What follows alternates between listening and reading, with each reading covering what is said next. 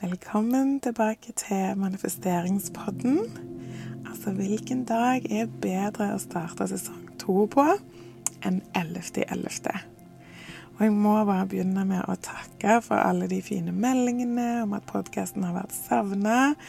Og jeg ser på lyttertallene òg at dere har hørt masse på de episodene som allerede ligger ute gjennom hele sommeren og høsten. Og det er veldig kjekt å se. Det ble en litt lengre pause enn planlagt, men nå er jeg tilbake og klar for å lage nye episoder. Jeg har ikke helt landa på strukturen denne sesongen, så pass på at du følger podkasten i appen. Eh, enten du er på Spotify eller Apple Podcast eller en annen podkast-app, sånn at du får med deg når det kommer nye episoder. Og òg tusen takk til alle som allerede følger, og som har gitt podkasten fem stjerner. Det gir meg så mye glede og inspirasjon til å fortsette å lage nye episoder. Planen var egentlig å bare ha noen uker sommerferie fra podden, men så plutselig har det gått mange måneder. Og som mange av dere vet, så flytta jeg inn i en campervan for snart to år siden og har reist rundt i Europa siden det. Og i vår så dro jeg tilbake til Norge og til hjembyen min, hvor jeg var i nesten et halvt år. Og det har vekka mye følelser og ting som jeg har måttet bearbeide. Hvis du følger meg på Snap eller TikTok, så har du kanskje fått med deg at eh, jeg har snakket om dette. Jeg kutta kontakten med mamma for snart to år siden. Og det har vært en eh, prosess, for å si det sånn. Eh, jeg er veldig glad for at jeg reiste så lenge i den perioden etter det bruddet, hvis vi kan kalle det det. Eh, den avstanden, den fysiske avstanden har hjulpet meg veldig mye med å bearbeide ting og finne ut hvem jeg egentlig er. Og så kommer det stadig nye ting opp. Og det har vært en del å jobbe med i sommer òg, når jeg på en måte har kommet eh, tilbake til ja, fysisk, da, så har det dukka opp mye. Og grunnen til at jeg forteller om dette, det er egentlig bare for å si at eh, det er ikke alltid vi har overskudd til å manifestere de tingene som vi kanskje ønsker oss mest, da.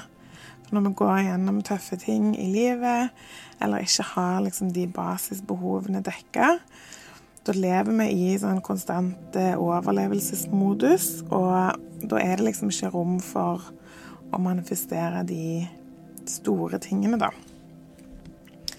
I min situasjon så har jeg prøvd å fokusere på å manifestere eh, de små tingene som kan hjelpe meg videre i prosessen min. Manifestere mer klarhet til å forstå Eh, sånn at jeg kan gi slipp. Mer styrke til å stå i egne valg. Mer kjærlighet til meg sjøl. Og det er jo noe jeg syns alle burde manifestere alltid. Mer kjærlighet til oss sjøl.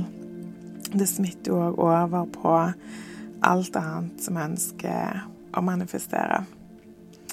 Men hvis du står i noe vanskelig, så husk at det blir bedre, selv om det kanskje ikke virker sånn nå.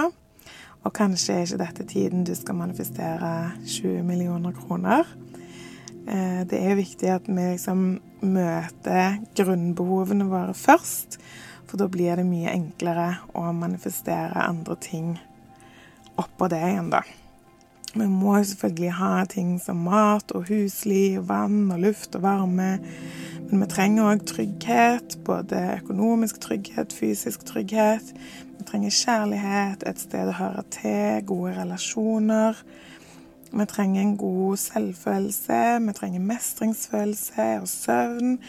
Og når vi liksom har alle disse tingene, så kan vi begynne å tenke på personlig utvikling og manifestere andre ting oppå dette, da, for å trives enda bedre i livet.